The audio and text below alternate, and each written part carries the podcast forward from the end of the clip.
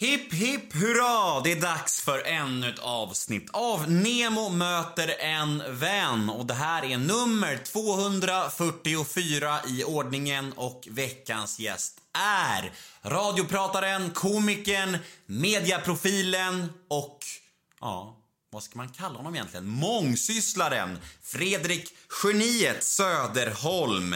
Och innan vi dunkar igång veckans avsnitt så har jag ett litet eh, announcement to make. Det är nämligen så här att veckans gäst är ett gratisavsnitt och just de här gratisavsnitten de når ju ut till ungefär 20-25 000 människor runt om i landet. Och nu söker jag sponsorer till de här gratisavsnitten. Men varför ska man då sponsra Nemo möter en vän kanske ni undrar? Jo, det ska jag berätta nu. Det är egentligen ganska enkelt. Jag kan nämligen lova att det inte går att hitta någon annan podd i min storlek som det är lika billigt att sponsra. Och varför är det på det viset då undrar ni? Jo, det ska jag också förklara. Eftersom att ett samarbete med mig sker direkt mellan mig och företaget i fråga. Inga mellanhänder. Med andra ord, inga mediebolag, agenter, byråer eller annat som vill ha en bit av kakan. Så eh, ja, ta nu vara på det här gyllene tillfället om ni är företagare och vill komma in i poddvärlden. Då kan jag lova er att det inte finns något bättre erbjudande än det här. Kontakta mig på gmail.com så tar vi det därifrån. Men veckans avsnitt då? Fredrik Söderholm. Mm. Det är ju lite speciellt att träffa Fredrik för han är ju inte en kändis egentligen. Men han är någon som många av er har önskat och vi har en historia ihop och Ja, han är väldigt intressant och spännande och han är nykter och drogfri sen ganska nyligen så det finns mycket att prata om och eh, ja, jag tror att det här kommer bli väldigt eh, kul att höra på. Framförallt om man är ett stort fan av Filip och Fredrik. För Fredrik Söderholm är ju liksom, ja, Filip och Fredriks närmsta hand kan man säga. Jag heter Nemo Hedén på Instagram och ni får supergärna följa mig där, då blir jag jätteglad. Och vill ni mig något, ja då finns jag som sagt på nemohedén gmail.com. Och Ja, veckans avsnitt och podden överlag nu för tiden klipps av Mats Palmgren och Samuel Rydén från PR Productions. Men nu ska jag sluta babbla. Nu dunkar vi igång Nemo möter en vän avsnitt nummer 244. Gäst Fredrik Söderholm. Rulla gingen. Nemo är en kändis, den största som vi har. Nu ska han snacka med en kändis och göra någon glad. Ja! Nemo, ja det är Nemo. Nemo möter en vän. Nemo möter en vän med Fredrik Söderholm. Hej. Hej. Välkommen till min podcast. Tack. Jag minns en gång när du intervjuade, var det Filip eller Fredrik? Och du frågade, ska man intervjua Fredrik Söderholm? Och bara, han är ju han är inte alls känd. Hur fan tänker du där? Nej. Hur fan tänker du? Och det kanske är ganska talande för hur länge jag har span spanat in dig. Du har kört Robert Gustafsson hur många gånger nu? Robert? Nej, han har varit med en gång bara. Va? Ja. Det känns som att han har varit med fyra gånger i din podd och att det alltid blir rubriker om att hans kuk kröp ihop till en liten sköldpadda när han gjorde, hade någon cykelrace. Han har alltid den samma anekdot om hans kuk kröp in i kroppen. Den anekdoten drar han inte i min podd Nej. ens. Nej. Så den kopplingen är ju sjuk att du gör. Ja, okej, okay, då blandade jag upp det med något. Eh, dock så jagade jag Robert i typ fem år innan han sa ja. Var det så? Ja, han är inte så förtjust i intervjuer. Eh, men, men det var här, här om veckan bara. Och då, det som blev rubriken då, det var ju det här, hans eh, Palmespaning. Mm, är ganska dammig å andra sidan. Ja. Ganska gammal. Eh, jag skrev så här. Eh, vi kan liksom beta av det direkt. Geniet Söderholm, eh, det här namnet. Var, det, är, det är ganska ocharmigt om det är påkommet av dig. Jag önskar att det var det. Nej, jag minns inte exakt. Jag brukar ibland tillskriva det till Kristoffer Triumf. Lite eh, taskigt kanske, för han kanske inte, kanske inte alls var han. Men jag har ett svagt minne av att jag jobbar på Stockholm Köpenhamn, tv-produktionsbolaget med Breaking News och är researcher. Och då gjorde vi en t-shirt om dagen, veckan, eller dagens t-shirt varje kväll, som skulle ha något med dagens nyhetsflöde att göra. Och då ville vi ha en, en t-shirt med en bild på Leif Mannerström med t-shirten Sveriges Mästerkock på. Förstår du? En bild på... Ja. Och så lyckades jag på något sätt få ut en t-shirt till Smögen där han hade någon rökfrossa. Få honom att ta en bild och fixa en, en sån t-shirt på väldigt kort tid. Och så var det någon som lite ironiskt kläckte det liksom. Men är det någon som ens kan bekräfta det här ryktet om hans välhängdhet? Eller ligger det bara i luften och skvalpar? Alltså, det vill säga, det är väl källa Filip skulle jag tro. Det var någonting om att eh, de var tvungna att eh, undvika vissa vinklar när de spelade i Mästerkocken för att hans gabardinbyxor Fy fan vad svagt alltså. avslöjade för mycket.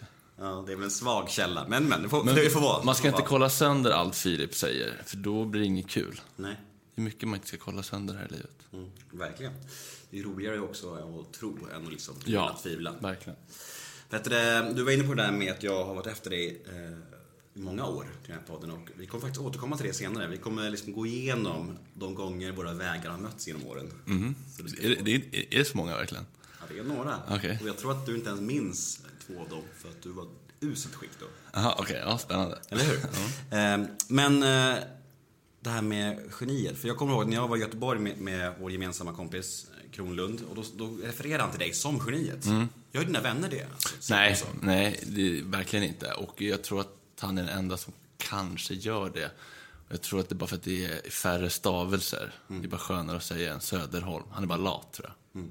Jag tror också han säger med en, en rejäl gnutta ironi. Men blir inte du lite, lite, lite glad när folk säger det? Okej, kom igen nu. Jag menar så här.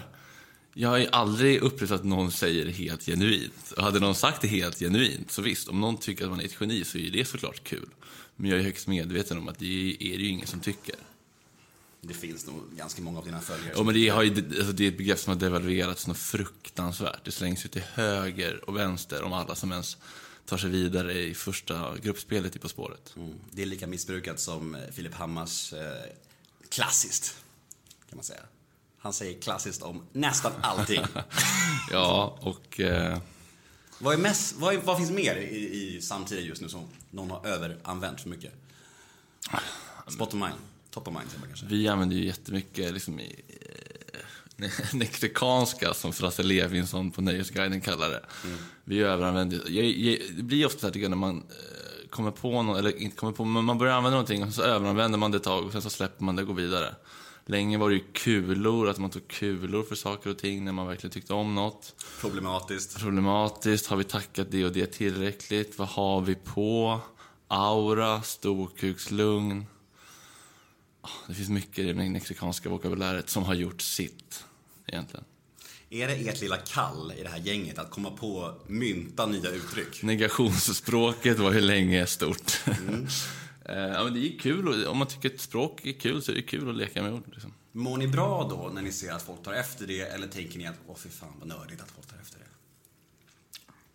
Man kan ju känna blandade känslor. Eh, Blandat eh, förakt och ödmjukhet. Det är fint att folk tar efter, men också kom på något eget. Kan man känna. Förstår. Eh, midsommar var nyss här. Hur var midsommar? Otroligt härligt. Jag eh, hade privilegiet att bli bjuden till Gotland. Till min goda vän Niklas Niemi och hans underbara flickvän Maja Alfredssons föräldrars, nej, mammas ställe i Bursvik typ. Eh, otroligt. Eh, ja, det hade verkligen allt. Mm. Har du landat i liksom det här att eh, umgås kring eh, fylla och sådär? Och, och hur känner du i det just nu? Känner du dig trygg och stabil eller känner du längtan och sorg tillbaka till det eller sådär? Jag kände faktiskt inget... Alltså, när de satt där och tvingade i sig O.P. Andersson och grimas, grimaserade och drack vatten. Och gud vad äckligt, sa alla. Jag kände bara så här, vad fan håller de på med? Alltså, så här, det är ingen som tycker att det här är så nice liksom. Så mådde jag toppenbra på midsommardagen och var inte bakis. Så att, nej, jag kände faktiskt noll avundsjuka. Det är bara att man, eh, att man rundar av när det, man rundar kanske av lite tidigare liksom. Nej, det känns bara, bara bra. Men det, vi vet hur provocerande det också är att, när man, att lyssna på folk som mår så jävla bra i nykterheten. Jag minns själv när man såg någon på liksom Malou efter tio som hade slutat röka gräs och nu körde Vättern runt. Det är vidrigt att lyssna på sådana människor. Mm, men, eh, men jag kan ju heller inte vara oärlig. Jag måste säga som det Jag tror också att det där eh, nynyktra supermåendet är något som infinner sig i början liksom och något som man gärna pratar om i början. Men sen ju med tiden så blir man nog, eller jag har blivit mer nyanserad när jag pratar om det och jag tror att den nyansen kanske du har redan från början. Du verkar ändå kunna liksom prata om det, alltså du ser, du ser det osympatiska i att eh, hylla det så mycket. Ja, folk vill ju inte veta av det. Folk vill inte höra. Nej, nej. Folk Och det såg ju inte jag när jag var nynykter. Nej. Jag var bara såhär, åh det är så fantastiskt. För jag tyckte det var det, på Ja, riktigt. ja, ja. Men nu med tiden kan jag, alltså jag mår ju piss ibland fast jag är nykter liksom. Så är det ju. det är. Men då var det bara så här, fan jag slipper ändå den där skiten. Mm. Och då var det jämförelse så himla fint. Och då vill jag prata om det så mycket. Mm. Hur märkte du att folk inte ville höra det då? Alltså jag rasade ju följare på Instagram till exempel. Folk blev ju, alltså jag tror jag förlorade så här tusen följare på två månader. Oj, bara- jävlar, ja. Folk pallar inte. Liksom. Nej. Nej, det är något med det där. Folk vill ju inte... Men det får väl de kanske att liksom ifrågasätta sina egna livsval och så här. Vad håller de själva på med? Det, det kan ju vara jobbigt att liksom... Att fejsa det. Alltså, jag kan fatta det. Mm. Jag tror att det också är lite så här. Det påminner lite om det här med bebisbilder. Att, att, att, att det är något som man kan uppskatta när man själv har barn. Ja. Det är liksom lite samma sak. Ja, det blir som en exakt. vattendelare på något sätt. Liksom. Man vill verkligen inte veta av det förrän man själv har varit med om det. Nej. Jag tycker det är kul att läsa om folk som mår bra för att de är nyktra. För jag kan känna igen mig i det. Mm. Jag kommer säkert tycka att det är kul att se... Be- Nej, jag tror inte att jag någonsin kommer uppskatta bebisbilder på sociala medier. Skjut Det, det var den gången jag fick näst mest avföljningar. När jag började pumpa min dotter på Instagram. Ja, jag förstår ju, jag förstår ju alltså, drivkrafterna. Men man måste lägga band på sig. Det är som träningsbilder. Jag trillar dit också ibland. Vi är bara människor. Ja, så är det. Eh, vi sitter ju på Mexico, Mm. din arbetsplats. Eh, tror du att eh, så pass drogliberala chefer som Filip och Fredrik ändå är, har varit bra eller dåligt för ditt missbruk? Förstår du vad jag menar? Du, har du kunnat liksom kaosa och göra bort dig mer och de har haft mer förståelse för att de är så öppna inför det? Än en sträng annan chef liksom. Alltså det finns ju...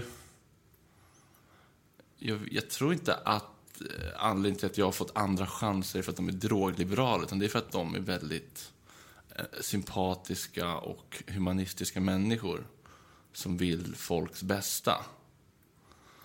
Sen så har jag ju fått åthutningar och repressalier också. Och nu är jag liksom villkorad. Min nuvarande anställning är ju villkorad på att jag är nykter. Liksom. Men sen såklart att så här högt i tak, ja det är klart att det kan ju säkert spela en roll. Alltså, du får ju mer bekräftelse i den här branschen, upplever jag det som, om du har haft en tre dagars bender och berättar om den på måndagen, än om du kommer och berättar att du har kört eh, rygg och ben och druck, ätit kvarg. Så är det. Och det kan ju vara kanske förföriskt för en, eh, en ung, vilsen man utan fadersfigur att bli bekräftad i det. Kanske. Men har det varit någon gång där antingen Filip eller Fredrik så här eh, tar dig åt sidan och säger vilket jävla skick du är, nu får du fan rycka upp det för nu är det viktiga dagar här. Något sånt där samtal som sticker ut.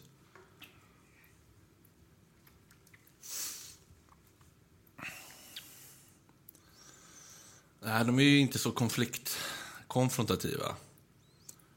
Men det har, det har eh, andra har gjort det, så att säga. Och det kan då kanske är för att de har rapporterat, jag vet inte. All right, eh, vi ska köra en liten faktaruta som jag brukar ha i början av mina poddar. Det är mest för att folk som inte har stenkoll på det ska få ett hum om the basics liksom. Nu är det dags för en faktaruta. Namn, Fredrik, Söd, Fredrik Elias Björn Söderholm, ålder. 27. Jag var 27 när jag blev clean. Ja. Mm. Bra ålder att bli ren. Familj, Mamma, Gunilla, bror Max, katter, Alice och Nissan. Yrke? Ja, det är fan luddigt ändå, det får du fan tillstå. Det, det, det var ju någon som, som myntade begreppet "En sk- skön kille på produktionsbolag med oklar kompetens. Mm, Men stod inte det också på din Instagram-profil ett tag? Ja, men det kanske gjorde det. Jag vet inte om det är Ola Söderholm eller vem det är man ska credda för det. Men det tycker jag ändå att det passar ganska bra. Jävligt svårt. Alltså nu är jag redaktör på Alla mot alla till exempel. Och eh, jag är med i tankesmedjan som radiopratare. Så att, Ja, vi kan ju säga det att när jag kom hit till Nexelektion så satt du med Emil Persson och Kristoffer Garpin och skrev liksom alla mot alla manus. som då är en frågesport på kanal 5 ledd av Filip Fredrik. Exakt, så det kan, det kan vara en vanlig arbetsdag för dig. TV, produktions... Ja, jag vet inte. Allt i allo. Ja, mysigt. Vill inte bli producent. Vill inte, Vill, in, vill inte bli Emil Persson. vill inte ha för mycket ansvar. Nej, jag förstår. Bor? Skanstull. själv, va? Eller hur? Ringvägen 149B. Bor du själv? Ja. Ja, stort. Ja, ja, fast också rimligt när man är 27. Eh, men eh, jävligt härligt. Mm. Är det första gången? Nej, det är det inte. Men det känns som att det är första gången det lite grann är på riktigt och varaktigt. Det har varit så jävla hattigt förut. Och liksom kort tid hit och dit och cykelförråd och s- andra hand svindyrt. Det här känns liksom stabilt för första gången. Paradrätt? Då ska vi se. Det måste väl ändå vara någon slags ädelostpasta. Jag gillar ädelost. Och det är inget komplicerat alls. Utan kanske tortellini, grädde och tre, fyra kvibille-trianglar med ädelost. The more the merrier. Vem är din allra bästa vän? Oj, jag tycker att det där är en svår fråga för att det har lite grann fluktuerat. Ibland känner man att det är den, ibland så känner man sig jättenära någon annan. Just nu då?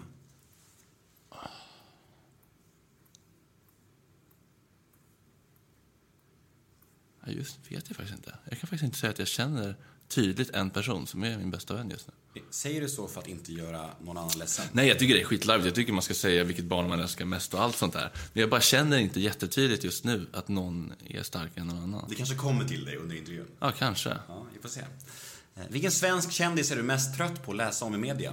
Johan Rabaeus. Va? Det är inte så mycket om honom. Nej, jag vet inte. Nej? Eh, Varför svarar du honom för? nej, jag vet inte. Han var bara första namnet som kom upp. Ja. Nej, eh, vänta nu. Vem är ofta då? Det är inte nödvändigtvis den som det står mest om, som man är mest trött på. Men någon som jag är helt ointresserad av, som dyker upp. Ah, jag är helt ointresserad av allt vad kungligheterna har för sig. Kronprinsessa Estelle, eller vad heter det? Pissbarnen. Sa du pissbarnet? Estelle. Pip! Barn plus kunglighet. Det är Där liksom rök alla. alla sponsorer i all framtid. Det har jag aldrig haft med. Nej, det är väldigt sant. Say hello to a new era of mental health care. Cerebral is here to help you achieve your mental wellness goals with professional therapy and medication management support. 100% online. You'll experience the all new Cerebral Way, an innovative approach to mental wellness designed around you.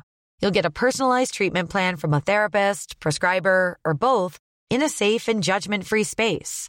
Your Cerebral therapist or prescriber will outline a customized plan with clear milestones along the way so you can get to feeling your best. With Cerebral, you're not alone in your mental health journey. We're here to empower you to live a fulfilling life.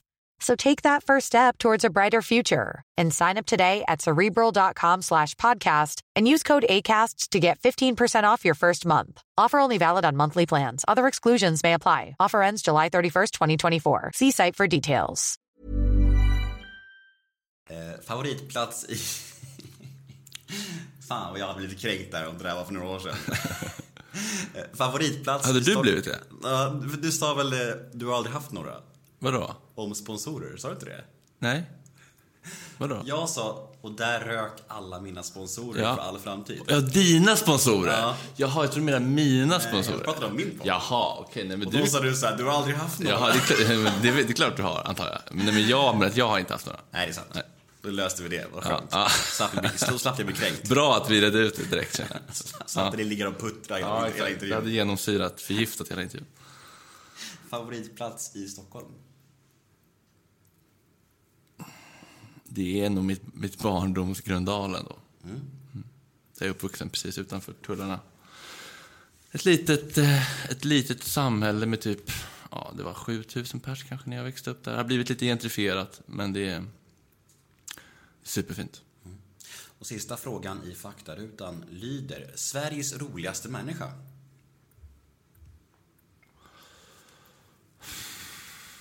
Ska man säga någonting som inte känns väntat? Det första jag kommer att tänka på är Jonathan Unge.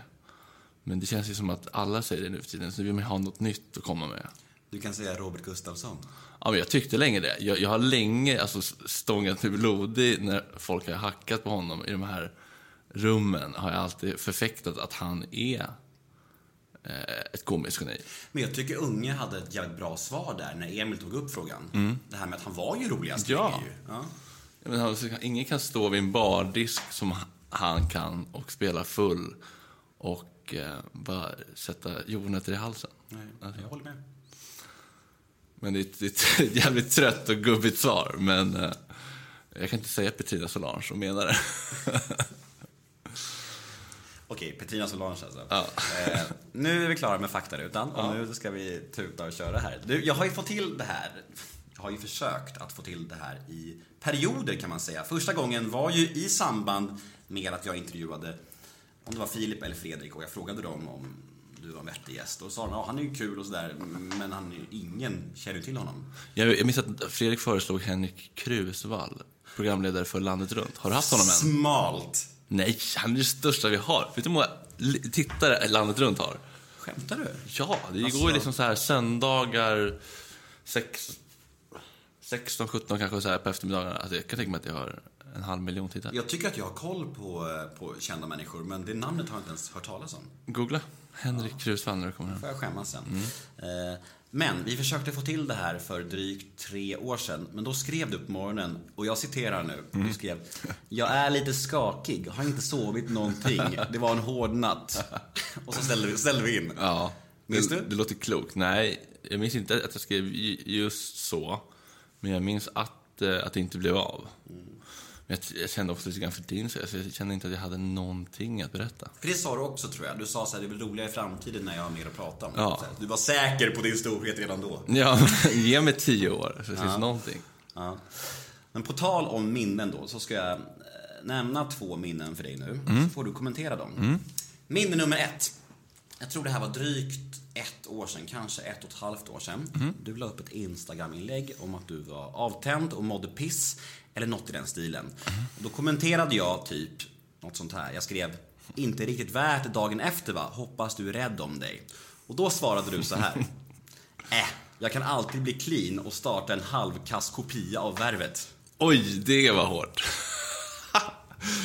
ja, det, det kan jag inte... Jag kan inte påstå att jag inte minns det. Jag minns det nu när du säger det, men jag hade glömt det. Men nu minns jag det. Jag kommer ihåg att jag skrev till dig då och sa att jag blev ledsen, för jag blev ledsen. Ja, det förstår jag. Det var elakt sagt. För det är också så, jag hade ju skrivit till dig typ fem gånger innan så där, att jag tyckte du var svinrolig och ni är så sköna och jag bara beundrar er och så bara stampade du på mig. Ja. Det är en person som går på defensiven och eh, mår piss ju. Mm. Och så vill man ju inte höra det heller när man är avtänd, det fattar Nej, jag också. nej. Det är det sista man vill höra. Eh, Men ja, det var minne nummer ett. Ja, härligt. Bra start. Hur känns det just nu? ja, men, eh, lite, lite skamsköljningar, absolut. Men eh, ja, jag förstår det, det mindset jag var då. Att det var provocerande kanske. Minne nummer två. Du bjöd in mig till din 25-årsfest. Ett Facebook-event och jag blev så jävla glad. Jag tyckte ni var coolast i världen. Filip och Fredriks medialärlingar liksom, wow. Men jag vågade inte komma på den festen. Dels för att jag var nynykter då och det skulle ju garanterat förekomma droger där. Men också för att jag var säker på att ni ändå bara skulle göra narr av mig om jag kom dit. Jag började liksom tänka så här, är det ens på riktigt? Eh, Aha, okej. var, är det är det liksom ett prank eller bjuder han bara in alla sina Facebook-vänner? Ja, just det. Fan vad hemskt om det hade varit ett prank. Så, så onda vill jag inte tro att vi är. Men eh, förekom det droger? Ja. Bjöd du in alla på Facebook? Eh, inte alla tror jag inte. Men jag, för, jag försökte väl tänka så här, vilka möten kan bli intressanta, vilka människor eh, har inte träffat varandra. Man försöker väl tänka lite så när man bjuder in till fest, att det inte bara är samma gamla runkcirkel liksom. Nej. För sådär eh, som jag beskrev nu, så, så är jag. Och jag kommer ihåg att nu bara för några veckor sedan när jag hade varit en helg med eh, ja, men Alexander Kronlund då, i Göteborg där. Och jag såg att ni hängde dagen efter, kollade fotboll tror jag. Och det enda jag tänkte på då, det var så här. Nu sitter de där, gänget och frågar honom varför i helvete han hänger med mig. Det är Ja, men det är frågan sant. ställdes absolut. Fan alltså. Fy fan! Nej, men det, det vi sa var väl att, eh, Ärligt nu. att ni var nöjda, att ni kändes lite nöjda med att ni satt i tyst kupé och att ni inte skulle kunna hålla snattran. Mm. Det kan du tillstå att det var. Ja, men ja. Ja. Jag har ju, alltså så här, med honom, han är ju exakt lika skör och eh, superreflekterande som jag är i allt jag gör konstant. Så jag har ju funnit någon där som är som jag i mitt huvud. Fast ja, i hierarkin är han tio nivåer upp såklart. Men, men för mig är det bara så här, jag, jag, jag hittar någon som är som mig i huvudet. Och det är fint, tycker jag. Men funkar det då när ni umgås? Eller liksom, Men, men, vi, men vi förstår varandra. För jag, jag, jag, alltså jag, jag, liksom, jag berättar ju allt för honom. Alltså den här tanken som jag hade om att nu tror jag att ni sitter där och snackar skit om mig. Den säger jag till honom. Och då säger han det, men så är det inte alls. Du, du bara tror det. Däremot så tror jag att eh, han sa, du sa någonting om att eh, vad mysigt att kunna göra det för honom. Något sånt där. mm, jag tycker det var jättefint att följa er resa. Ja. Eh, Men i min skalle blir det så här, du vet hur det är, pissig självkänsla. Man tror ju att alla bara snackar skit om en hela tiden. Och jag lever med det konstant och det är så jävla jobbigt. Ja, men frågan är om det inte... Om det spelar så stor roll om folk gör det. Jag tror att det spelar roll när det är folk som man ser upp till. Och Jag har ju alltid sett upp till ert gäng liksom. Det kan jag hata mig själv för också. Alltså att, att, att, att liksom att människor som inte behöver så mycket bekräftelse. Jag brukar faktiskt snacka här, nu, återigen, jag brukar snacka med Kronlund om det. Att han brukar ge den bekräftelsen till Schulman. Han, är bara, han ger honom den bekräftelsen och så tycker han inte att han får någon fin respons av det. För att han får så mycket bekräftelse redan och så hatar han sig själv för att han ger Schulman det. Ja, just det. Mm. Han behöver ju inte det Schulman, Nej. men så gör man det och så får man ingen respons och då blir man så liten liksom. Ja, just det. Han är mätt. Ja. Det här blir så hudlöst, jag bara sitter och ryser här. Ja, men du är ju ansiktet utåt för hudlöshet. Det är ju härligt på ett sätt. Ja, på ett sätt. Och på ett sätt är det bara att man gör sig själv till ett öppet sår. Ja, men det, känns ju, det, det, känns, det verkar ju lite jobbigt att vara du, men det är ju väldigt härligt i liksom dessa polerade Instagram-flöden att någon är jävligt hudlös. Det piggar ju ändå upp. Det här kommer ett uttryck som ni använder mycket. Ja, det är dags att mygga av det. Ja, vad sa du? Det är dags att mygga av det. Ja, exakt. Ett annat uttryck. Nej, men så är det. Det- Det är härligt och jävligt jobbigt. Eh, Men nu är vi klara med, med punkterna från det förflutna. Okej, ja. Du överlevde ändå. Ja, ja visst. Det var, blev en bra fest, eller? Vilken? Eh, 25-årsfesten. Nej, Inte? nej, det blev det faktiskt inte.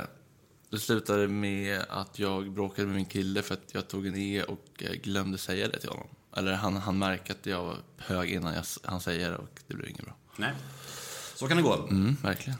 Du, eh, är du eh, född på SÖS? jag vet faktiskt inte ärligt talat. Du vet inte var du är född? Är nej, det sant? Nej. Jag förstår inte varför man ska hålla koll på det där. Nej. Eh, vad står i dina papper då? Det vet jag inte, jag har aldrig sett några papper. Nej. Ehm, är du bekväm med att prata om, om din uppväxt och barndom eller tycker du att det är så här... Jo, absolut, men den har liksom ingenting spektakulärt i sig som jag tycker känns spännande att berätta om. Nej. Det kan jag ändå vara helt ärlig med. Hur är känslorna till din eh, far som stack? då? Han stack när du var två va? Nej, jag var inte ens född. Och Just det, din bror var två. Ja, exakt. Och jag har ju liksom inga... Jag funderade på om jag skulle åka till hans adress som den står på Ratsit till min podd. Men så bara kände jag så här, jag, jag känner ingenting för detta. Jag tänkte så här, jag ska åka dit bara för att det är content. Nej, jag måste ändå ha en genuin vilja att göra det. Men jag bara kände, ing, jag kände ingenting. Du känner ingen sorg, ingen ilska, ingenting. Nej. Och det är så här, om jag skulle säga till dig att du har en morbror som heter Johan som bor i Skellefteå. Som drog innan du... Och så här, vad känner du för honom? Alltså... Fast är det inte en väldig skillnad på morbror och pappa? Jo, men... Eh, eh, jo, det är det väl. Men ändå så här, det är en person som aldrig... Jag vet inte vad jag saknar liksom. Nej. Men om, någon hade sagt till dig att du har en son som är tre år, då då? har du gjort då? Om jag har, har en son Ja. som är tre år, Ja. nu, Ja. när fan skulle den ha blivit till? Ja, jag vet. Tre år sedan. Någon som har våldtagit mig i sömnen? Ja, ja. Men typ, du fattar principen. Jag menar bara liksom så här, ska allt gamla röjas bort? För det kan ju också vara så att om du träffar din pappa så kan känslor komma. Men så kan det ju såklart vara. Men, eh, och det vet man inte förrän man har testat. Men det jag kände var bara att jag kände inget driv till att göra det. Och det kanske kommer någon gång. Alltså framförallt tror jag, om jag skulle få barn själv, så kan jag tänka mig att jag skulle börja rota i den lådan på ett annat sätt. Men som jag känner nu så tänker jag bara så här, vad, jag vet inte vad ska det leda till? Jag tror inte att det kommer bli något så här Oprah Winfrey moment, liksom så här, halleluja. Utan René Nyberg gjorde en dokumentär eh, på TV3 som hette 45 minuter med min mamma. Hon hittade honom. Han liksom så här knackig svenska, bott i Tyskland i 13 år. Han var liksom mest sur på att min mo- morsa hade dödförklarat honom. Det var liksom inget fint, bra samtal de hade. Så jag vet inte, jag... Ja, Det hade ju varit lite spännande på ett sätt, men jag kände bara inget stort sug. Du, din mamma skrev väl en bok också, eller hur? Mm. Gunillas man försvann. När När släpptes den? Minns ej. 2006 kanske? Jag har ju ögnat igenom den då, Jaha, ja. inför den här intervjun. ja. Lättläst som Får djävulen. man säga. Gissa hur jag kom över den. Storytel. Eller, nej. Jag fick den av Sorbas Newton. Ja, okej. Ja, jo, men eh, dedikerad, hoppas jag. Verkligen. Ja. Han berättar lite minnen eh, från er barndom. Det finns tror, en, en rolig passage där han skriver om vilka fe- härliga fester de hade i Västerås, min mamma och min pappa. De spelade allt från Bowie och Creedence till Stones och Springsteen. Det är ett väldigt litet spann för allt från. Det brukar innehålla lite andra där kanske. Ja. Lite, lite större spektra. Ja, vi drack allt från vin till öl.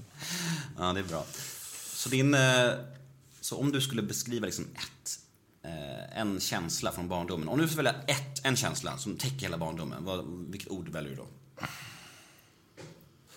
Oj, vad svårt.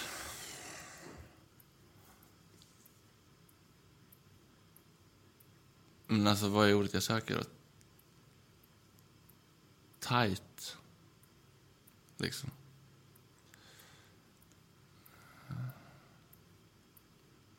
Finns inte ett ord som kan täcka in en hel barndom. Trygghet. Misär, nej. Jag vet, alltså, det är ett ord, nej det går. Det tycker inte jag går. Det går. Hur var du då som barn? Vad, liksom, vilken typ av unge var du? Var du så här outgoing? eller? Nej, jag var ganska tillbakadragen och ganska blyg och... Eh, lång och stark och bra på gympa och innetofflor och lite plugghäst och pennskrin och lånade ut pennor åt folk och var sen med det mesta liksom. Men blev inte mobbad själv för att jag var liksom så lång och stor så det var ingen som vågade ge sig på mig. Jag var, jag var inte liksom värsta tönten men jag var verkligen inte ett dugg cool liksom. Vilket plugg gick du? Jag gick i Gröndalsskolan i, och sen gick jag på Blommensbergsskolan heter det, i Gröndal. Har du dejtat tjejer? Nej. Ingen? Nej, och ett Garpling till exempel vet jag har ju liksom lapat mer fitta än många straighta killar. Jag vet inte hur gärna han vill att man pratar om det. Men jag har ju aldrig riktigt tvingat mig själv så långt. Jag har väl liksom hånglat med någon på någon fest och så, men jag tvingade mig aldrig att liksom bjuda ut och så här, spela det spelet. Det kändes... Nej, då var jag hellre bara en, eh, en smygbög i celibat liksom. Jag tror att det var en lyssnarfråga som vi kan stryka då senare och ta den nu istället. Om du har legat med någon kvinna. Det har du inte? Nej. Nej. Nej, nej. När, eh, när kom du ut och hur reagerade omgivningen? Nej men det var väl bara lite såhär, varför har du inte sagt något? Typ så här. Det, var, det är väl ingenting. Då ska man bli shamead för att man inte har berättat tidigare också. Ovanpå allt, när man väl har tagit steget. Det är så jävla sjukt. Och jag kommer få en shame för det här för att jag gör en grej av din podd. Nej, men det kan man väl göra. Men, eh, men eh, folk, folk, jag tror inte folk menar något illa med så här. Vi som var bästa vänner, för sa du ingenting? Det är inte det man behöver höra då liksom. Nej. Men, när, men, när, var, men, när var det? jag kommer inte ihåg exakt, men det var ganska sent. Alltså, gymnasiet någon gång. Men jag gjorde också lite en grej av att inte göra en grej av det. Så här, varför ska jag berätta? Varför ska jag göra en grej av det? Det är ingen annan som gör en grej av att de är straight eller så här. Så jag gjorde nästan en grej av att inte göra en grej av det, förstår du? Före din tid kan man säga. ja, gick i bräschen även där. Men eh, ja, det kanske var lite larvigt, men ja, det var så jag resonerade då. Mm. Har du haft eh, en längtan efter liksom det liv som du lever? Alltså ville du jobba med media hela livet? Eller vad, vad tänkte du om livet när du växte upp? Vad hade du för drömmar och mål och så här? Men jag tror att jag, när jag mejlade Fredrik Wikingsson första gången när jag gick mediagymnasiet Är det sant? så, så skrev jag, jag har, eh, antingen skulle jag vilja följa med Bruce Springsteen på turné eller jobba med dig och Filip. Det ser så jävla roligt ut. Fan vad fint. Och då blev det ju, ja, det ena då. Minns du om han svarade? Inte exakt vad han svarade, men eh, så här, hör av dig, tjata. En, en vacker dag kanske stars are aligned. Sen så fick jag ett mejl bara så här. Jag och Filip skrev en årskrönika. Vill du, börja, vill du vara praktikant? Börjar imorgon. Jag bara, ah, absolut. Släppte allt jag hade och resten är som man brukar säga.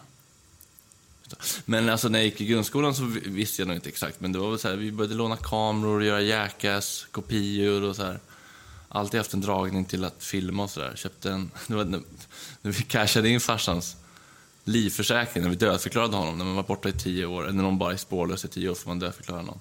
Fick vi ut en pissig liten livförsäkring på kanske 50 000, men då köpte vi en JVC DV-kamera så började vi göra egna kortfilmer jag och brorsan. Vilket jag tror var en jävligt bra... Det satte igång grejer liksom.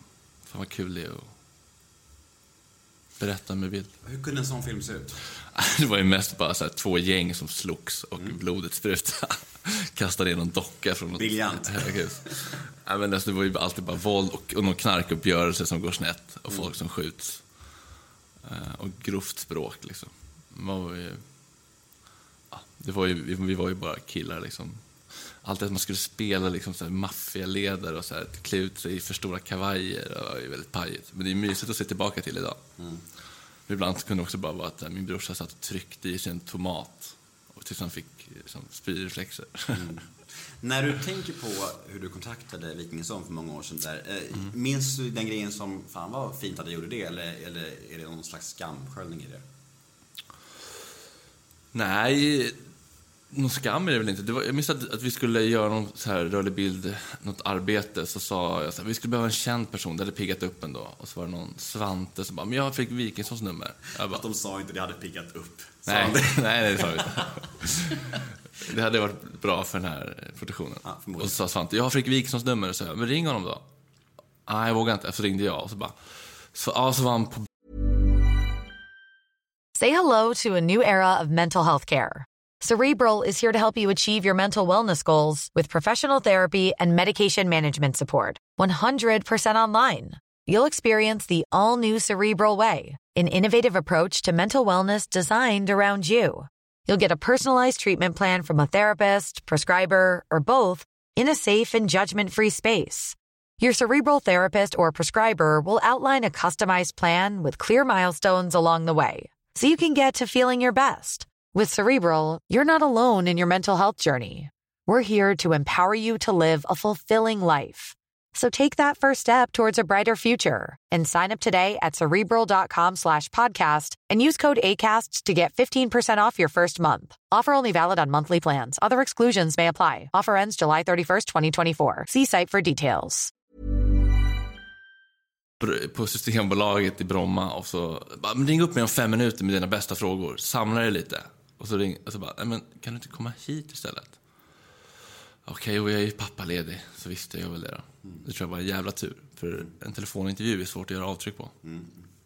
Det är väl typ det finaste med, med dem, att de liksom inte gör någon skillnad på folk och folk. Och, och liksom så här, jag kommer ihåg det alltså så väl, att efter Kungen av Tylösand, när livet bara rasade och det var liksom domar och skit och knarket kom in på allvar. Alltså livet bara rasade och ingen ville ta i mig med tång. Så kommer jag ihåg att jag var på en så här Vem kan slå Filip och Fredrik-inspelning. Och jag mådde så pissigt för jag bara, mitt liv är ett fucking helvete liksom. Och då gjorde de typ så här en skön grej av att jag var i publiken och bara Fan, Nemo idén och kungen av Tylösand är här och fan då, då var så här, lyfte mig och var så här snälla liksom. När alla andra liksom inte ville ta i mig med tång. För att jag var liksom persona non grata deluxe liksom. Och det måste man ändå ge dem på något sätt. Ja, verkligen. De är väldigt, väldigt bra på att se människor och lyfta dem. Och... Verkligen. Du, ehm, Hur många år tog det från det här eh, mejlet då tills du faktiskt fick jobba med dem?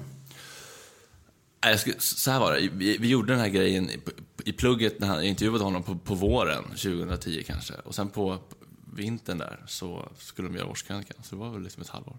Och Det var det första du gjorde med dem? Ja. Då hade jag liksom turen att få bli innehållspraktikant. Många som blir praktikanter får ju så här, koka, koka kaffe och så. Men jag fick liksom leta roliga grejer och direkt komma in på innehållsspåret och visa att jag så här, hade blick för det. Det tror jag var jävligt lyckat för mig. Och vad var det? Det var de sammanfattade året och du skulle hitta, bara hitta sköna klipp då? Ja, precis. Här, roliga saker som har hänt i år. Så här, no, I don't think so. Mannen.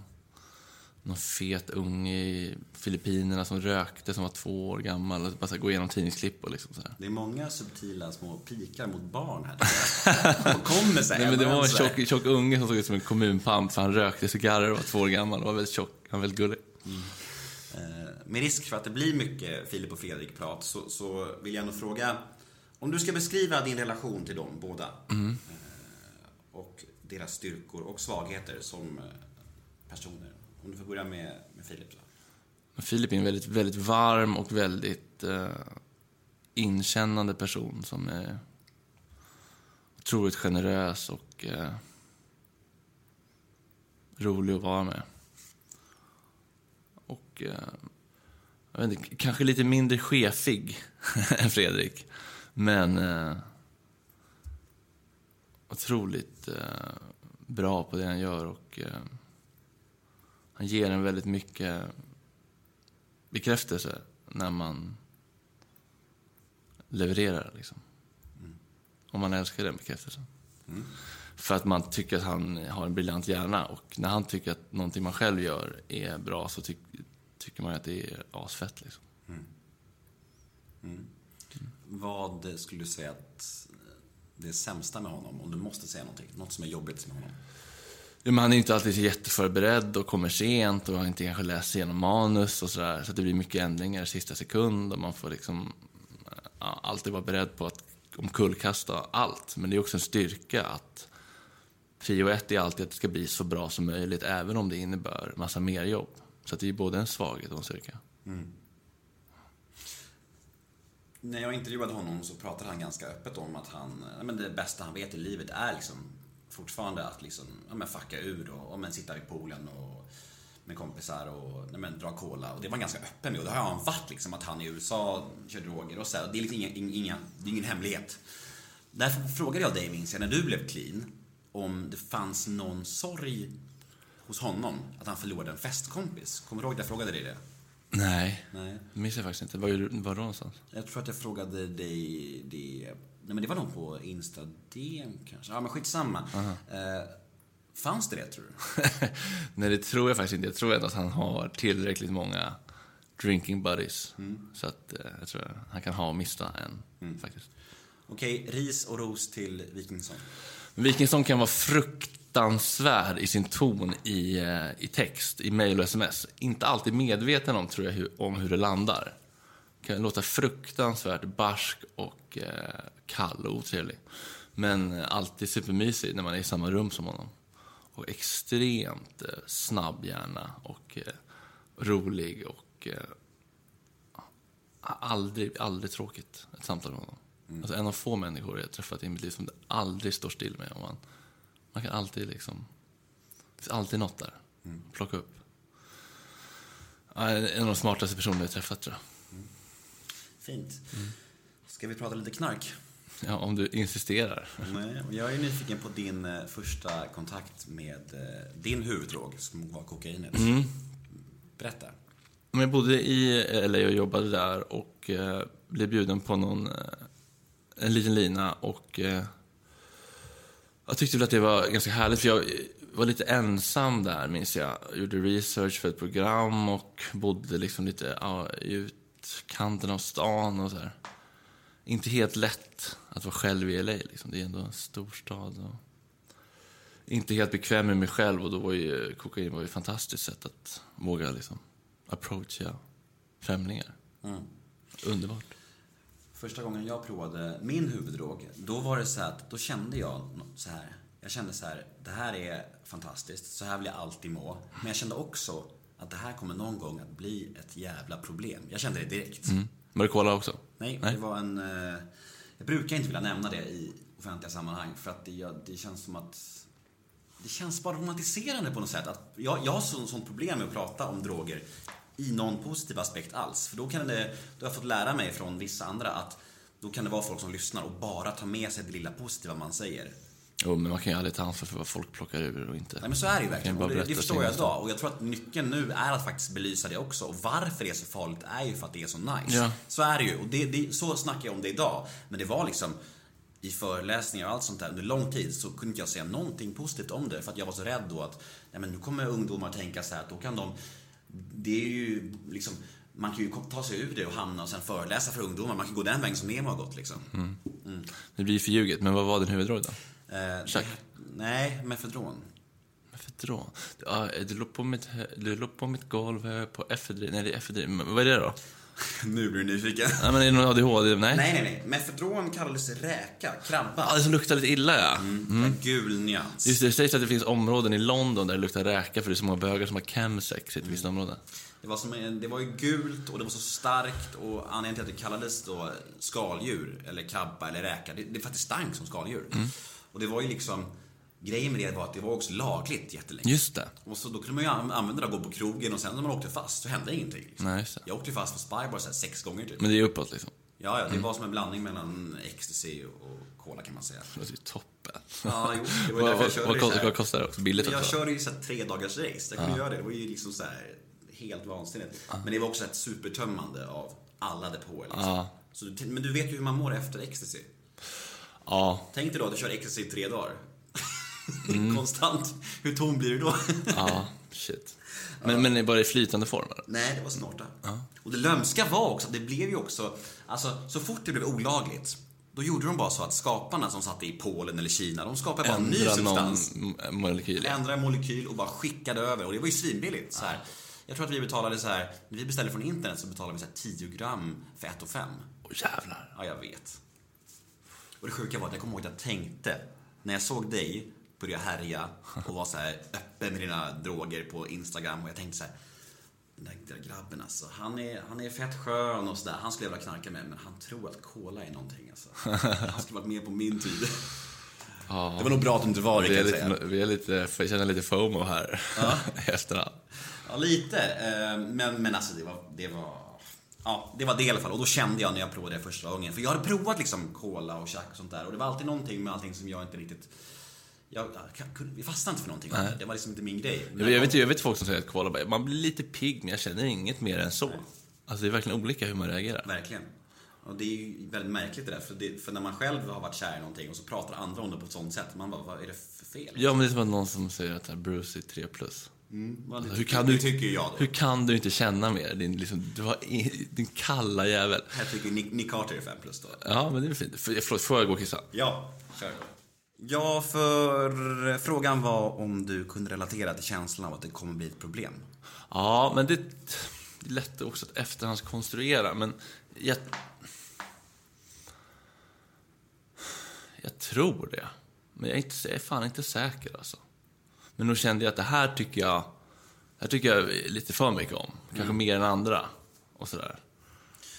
Hur snabbt blev det den här känslan av att när du krökade så, så kände du bara så här, fan det här kan bli roligare, det här är ingen mening med.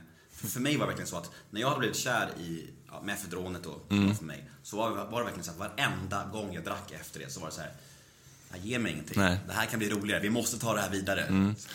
Jag minns, jag minns fan inte helt ärligt. Jag önskar att jag hade typ skrivit dagbok om sånt här. Men jag kan tänka mig att det ändå gick ganska fort. Inte som att så här, det är inte värt att gå ut, och, men att det alltid liksom så här, det fanns alltid den där vetskapen om att det finns en våning till.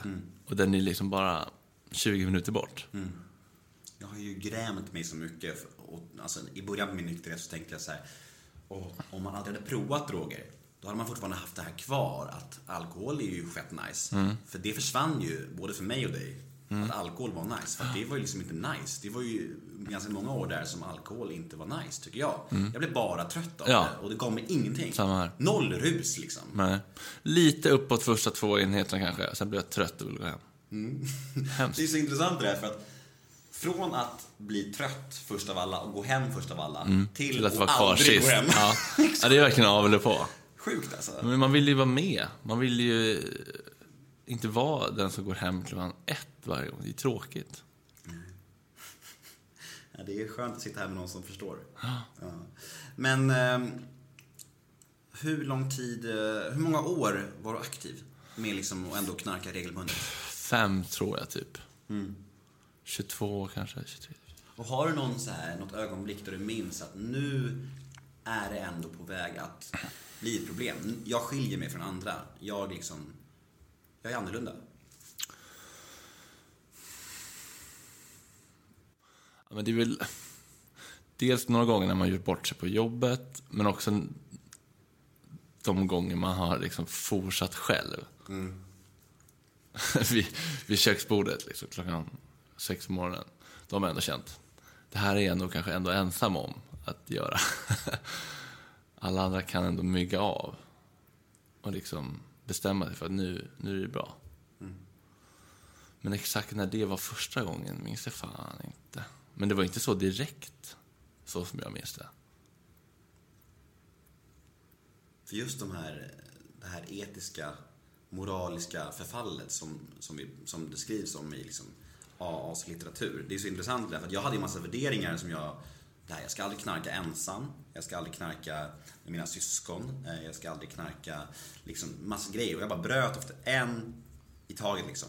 Jag fick mina syskon att knarka, jag satt ensam och knarkade. Och så när jag väl satt där, då var det bara nästa, hur kan vi skjuta på gränserna lite mer nu då? Är så här, om jag knarkar ensam i två dagar, det är ju värre. Nej men typ sådär.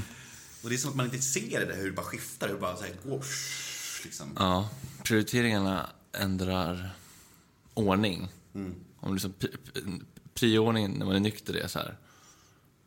Inte, vara, inte såra andra, inte vara dum. Bla, bla, bla. Och så plötsligt bara åker den längst ner på listan. För då är det viktigare att tillfredsställa de här primaldrifterna. Liksom. Det är obehagligt. För det blir ju som en primaldrift, det blir som något djuriskt som bara tar över liksom. Men när var det första tecknet på det här hjärtproblemet?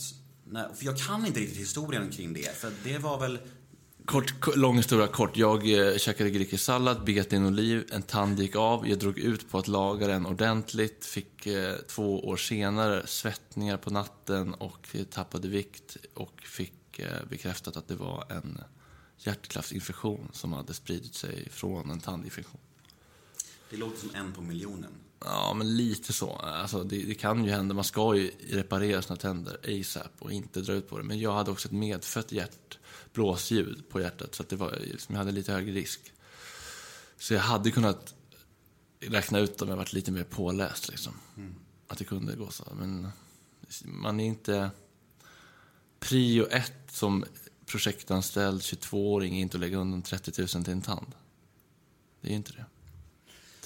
Men hur fungerar du i sådana sammanhang? Alltså hörde du av dig till dina så här, för du har ju ändå ett ganska brett socialt nätverk med prominenta, kända personer. Hörde du av dig till någon och sa så här, men kan inte du hjälpa mig med det här? Ekonomiskt stöd? Eller, så här, eller, eller är det alldeles för mycket skam i det, eller hur? Eh, nej, jag gjorde nog inte det, men det borde jag fan ha gjort. Eller bara tagit ett sms-lån. Vad som helst hade varit bättre. På ett sätt. Men å andra sidan så kan jag idag känna att typ, det kanske räddar mitt liv. Alltså, jag, i, idag så ser jag ändå, förutsatt att det inte tar livet av mig, eh, alltså att jag inte dör i förtid av det, det vet man ju aldrig. Men så här, just nu känns det som att det var en kanongrej. För att det fick mig att förändra allt. Annars tror jag att jag hade kanske blåst på i, jag vet inte hur länge till. Men då kanske jag hade gått åt helvete. Vem vet? Det var ett wake-up call som jag kanske behövde. Men jag tiggde inte pengar då, men jag gjorde det sen. Men jag, jag, borde, jag borde kanske ha gjort det. Jag vet inte. Det är lätt att vara efterklok. Jag har tagit ett sms-lån. Mm. Då köpte jag en femma Mefedron och satte det på snabbt. Varför låter det lite mysigt ändå? Varför gör det det? det var härligt. Eh, sen så när pengarna var slut och jag satt och var avtänd, då var det inte lika kul längre. Då var det ångestens faste. Vad var räntan, räntan på? Eh, vad fan var det? Jo men det, det var 20 procent. 10 000 sms-lån, betala 14 000 inom en månad. Ja, det är hårt ändå. Det är hårt och det kunde jag inte så jag hamnade hos fogden. Ja. Så kan det vara. Tuffa tider. Men, har, men... har du kvar några an- anmärkningar? Ingenting. Snyggt. Ja, Skönt. tack. Det är fantastiskt. Grattis. Tack. Nej, men jag tänkte på det här med hjärtat då. Hur, eh, hur illa var det? Nej, men vadå? Alltså, jag vet inte. Hjärtklaff, endokardit har en mortalitet på, inte vet jag, jag kommer inte ihåg, 15 procent, men det är mest gamlingar som dör av det. Det brukar ju oftast hjälpa med anti- antibiotikabehandling intravenöst i sex veckor, men min hjärtklaff var liksom redan för angripen av bakterierna så att det behövdes en operation. Och ja, det är klart, en hjärtoperation är ju aldrig riskfri liksom. Men jag fick ju en väldoserad överdos av fentanyl och slocknade.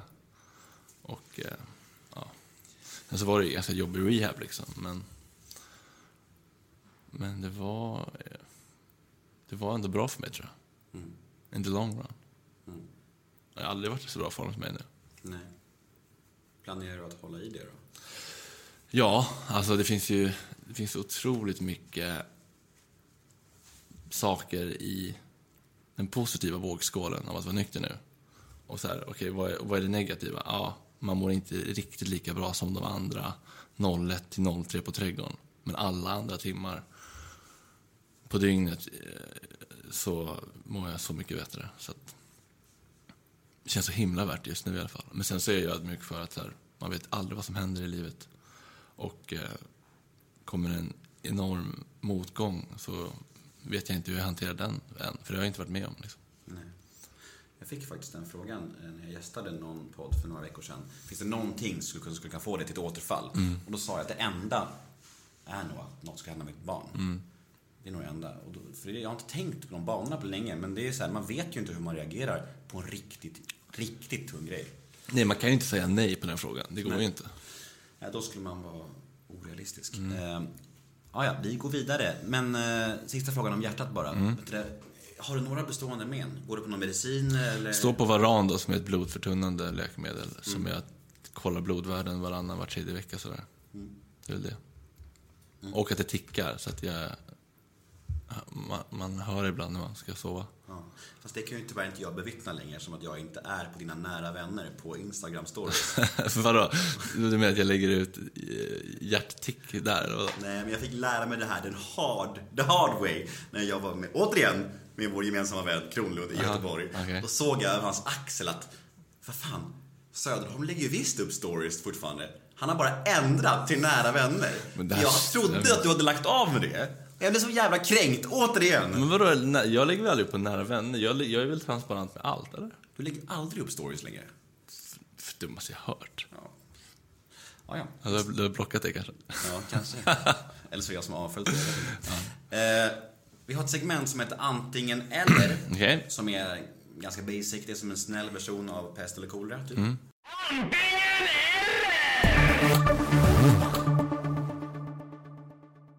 Bakom eller framför kameran? Har ju varit bakom länge, nu är det dags för framför. Emil eller Jerka? Fan. Gud, ska man börja välja? Måste man välja? Ja. Ja, Emil. Det är lugnt, Jerka kommer inte höra det här då, det spelar ingen roll. Han är alldeles för upptagen med sin sandwichbutik. Värvet eller Framgångspodden? Värvet. Filip eller Fredrik? Går inte. Det är som att välja mellan sina barn. Fredrik. Legalisera marijuana, ja eller nej?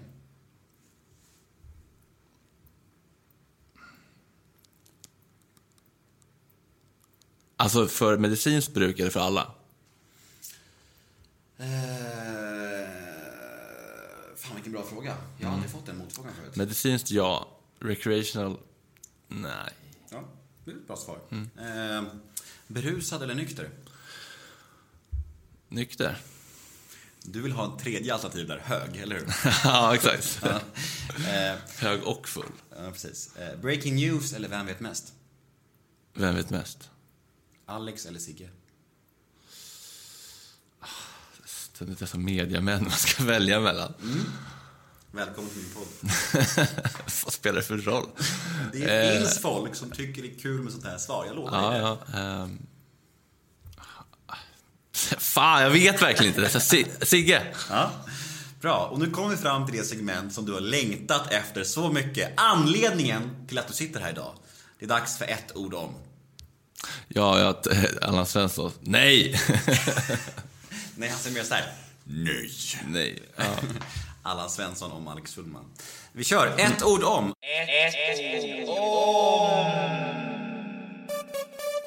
Alexander Bard. Eh, frispråkig. Jimmy Åkesson. Eh, plufsig. Sara Larsson. Överskattad. Cissi Wallin. Ö- överskattad. Alex Schulman. Begåvad och ängslig. Två ord som kommer upp exakt samtidigt. Okej, det funkar. Mm, bra. Och avslutningsvis ska vi damma av några lyssnarmail. Och eh, ett av mailen här har vi faktiskt redan gått igenom. Det var det här om eh, när du kom ut och hur det var. Mail nummer ett lyder så här. Hej Fredrik. Intressant att just du gästar Nemo möter en vän. Satt inte du i tankesmedjan och önskade honom ett återfall för ett drygt år sedan? Det borde ni prata om i podden. Ja, det har jag inget minne av, men det kan jag verkligen tänka mig att jag gjorde eftersom i tankesmedjan så råder det inte skojförbud. Så att, ja, så kan det mycket väl vara. Jag minns det. Ja, du minns det. Vad sa jag då? Och jag nåddes av det när jag använde den här ruttna tjänsten där man söker Signal, signal. Ja, den är inte bra för Mardrömstjänst för mig alltså. Fy fan. Allt du och Alex Schulman sitter och signal, signalar er själva. Ja, det är hemskt. Jag nåddes av det och ja, jag blev lite kränkt som vanligt. Eh, Jag ber om ursäkt. Det är helt okej. Okej. Mail nummer två. Hej Fredrik. Vad hände med podden med Jerka och Emil som ni planerade? Vi är många som väntar. Kul att höra. Den ligger lite på is. De har inte riktigt tid, vissa av dem. Men vi har en fin bild och vi har ett ramverk som vissa nu tvivlar på om det håller. De är väldigt måna, kanske framförallt Emil, om att inte bara starta en till snackpodd med sköna snubbar, utan det ska finnas ett tydligt ramverk. Och när vi stött och blött ramverket års tid nu känns som. Jag vill bara komma igång och testa. Flyger det inte så flyger det inte. Men det är också tidsbrist. Det finns, ja. Jag hoppas fortfarande att det, att det kommer ske. För jag tror det skulle kunna bli helt okej. Mm. Mail nummer tre. Kan du berätta om din bästa respektive värsta drogupplevelse? Hmm. Ja, men att jag gjorde misstaget att ta cola på en Bruce Springsteen-konsert. Och det var hemskt att tända av under Bobby Jean och lämna Ullevi. För att jag mådde så pissdåligt. Det var så jävla dumt och dåligt gjort. Jag ångrar så in i helvete. Äh, bästa...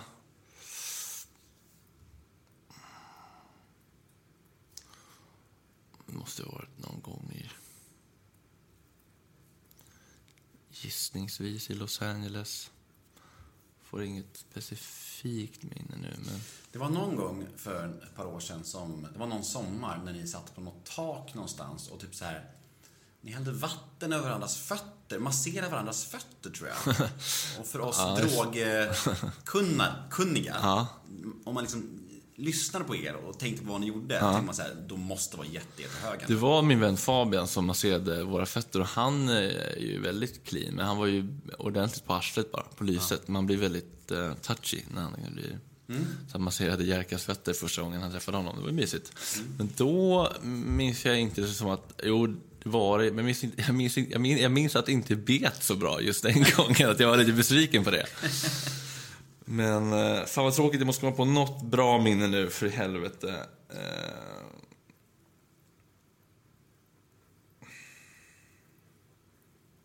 Och du får inte svara när du kollar på Animal Planet, när du är ed, eller vad du brukar göra.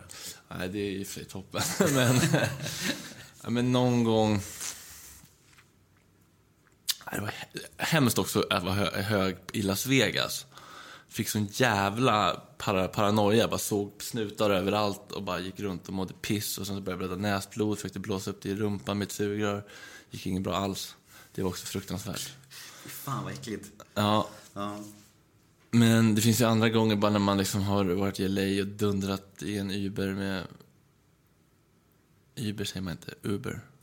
Med sin, sin favoritmusik på väg ut till någon härlig eh, bar. Och då är alltid resan bättre än målet. Ja. Sitta och köra i ett tryggt rum i en taxi. Det är fan mysigt. Mm. ja, men första gången var ju jävligt, helt sinnessjuk ändå. Alltså så här, på en lite mysig bar i LA. Och bara, plötsligt så bara färgfilm. Alla samtal blev intressanta. Världen blev så jävla spännande. Man bara ville veta, man bara ville höra vad folk hade att säga. Det kan jag tycka är tråkigt ibland. Man sitter i nykter på fest och bara så här. Jag är inte intresserad av vad du har att säga. Det, är så hemskt. Men också, hade jag varit hög så hade jag inte varit genuint intresserad. Det hade också bara varit kemikalier i kroppen som gör att jag är intresserad. Så så här, egentligen är det väl ingenting att sakna. Man kan sakna det där att vara, bara, jag vet, vara så ivrig att bara kasta sig in i ett samtal. Mm. Ja, men så var det ju för mig i början på rusen. Men sen alltså, när man hållit på en dag eller två, då var det snarare så. Då var jag så tom att liksom, jag kunde inte få fram ett ord med människor. Nej. Jag kunde sitta med kompisar och vi kunde så här ha musik på och så skulle man så här, någon skulle byta låt och man kom inte på en enda låt för man var så tom. Ja. Så jävla läskig grej alltså. Ja, jag kunde också tappa talförmågan. Men sen, men sen när, det, när det, slutade, det slutade alltid bita för mig framåt morgonkvisten. Så då, det fanns ingen poäng för mig att köra på i flera dygn. Nej. Ja, det var ju bra att du höll på med cola då. Mm. Får man ju säga då.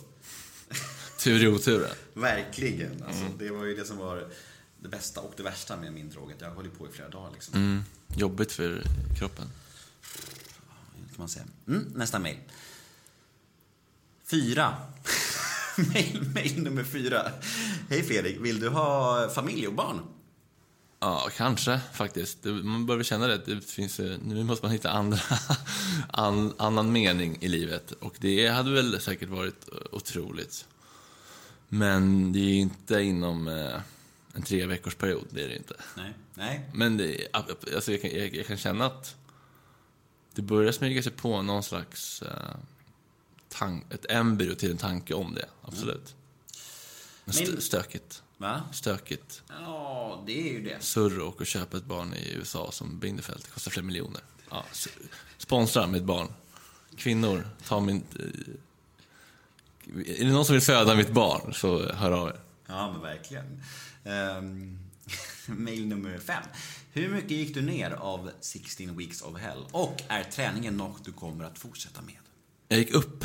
Ja, okej. Jag... Eh, Men hur mycket procent kroppsfett gick du ner? Ja, men jag gick kanske från 13 till strax under 7.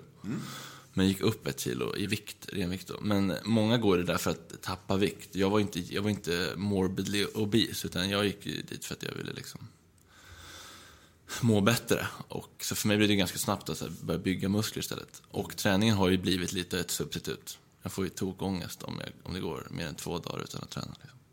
Men eh, du lyckades med dina uppsatta mål?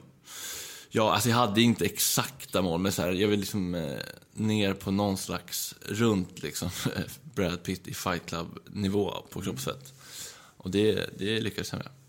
Och det var ju en jävla känsla ändå. Grattis. Mm, tack. Nästa mail lyder så här. Vad tycker du om Alexander Pärleros? Jag kan tänka mig att om jag hade suttit med honom och pratat så hade jag tyckt jätte, jättemycket om honom. Men jag har lite svårt för hans produkter. Det ska jag villigt erkänna.